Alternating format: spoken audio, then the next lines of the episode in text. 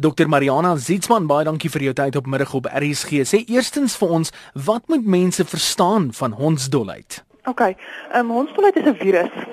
Reg, en die probleem met hondsdolheid is dit is endemies um, in Suid-Afrika. Wat beteken weet ons draers wat dit dra.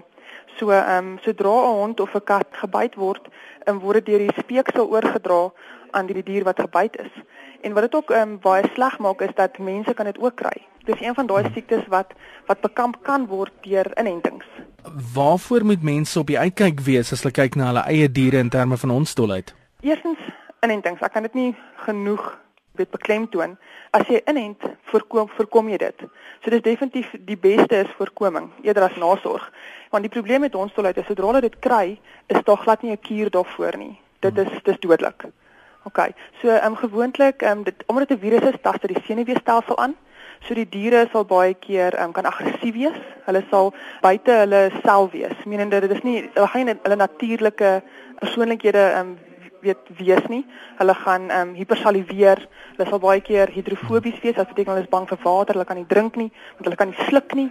So dis gewoonlik die grootste tekens is die aggressie en dan die hipersalivering, speeksel wat by die bek uitloop. Daai tipe goedjies.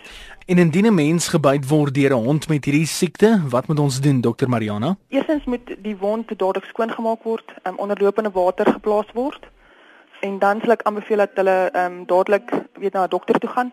Daarso is inentings wat mens kan kry en dan voorkomende ehm um, behandeling om te voorkom dat hulle dit wel kry.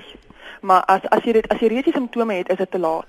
Dokter Mariana vandag is dan nou wêreldhondsdolheid dag en van die Helderkruin dierekliniek se kant af, wat doen julle ten opsigte van die bewusmaking en die voorkoming van hondsdolheid? Verseker, ja. Dit is ehm um, van 3 maande af ehm um, spuit ons alle pappies en ehm um, katjies hmm. en dan so gewoonlik 'n uh, 'n booster inenting 'n maand later. En dan ook jaarliks is baie belangrik omdat dit 'n endemiese siekte is in Suid-Afrika. Weet moet mens maar daai jaarlikse um, boosters gee om seker te maak dat die honde en die katte se immuniteit bly. Dit dan dokter Mariana Zietsman van die Helderkruin Dierekliniek. Dokter baie dankie vir jou tyd. Okay, dankie. Bye bye. Totsiens.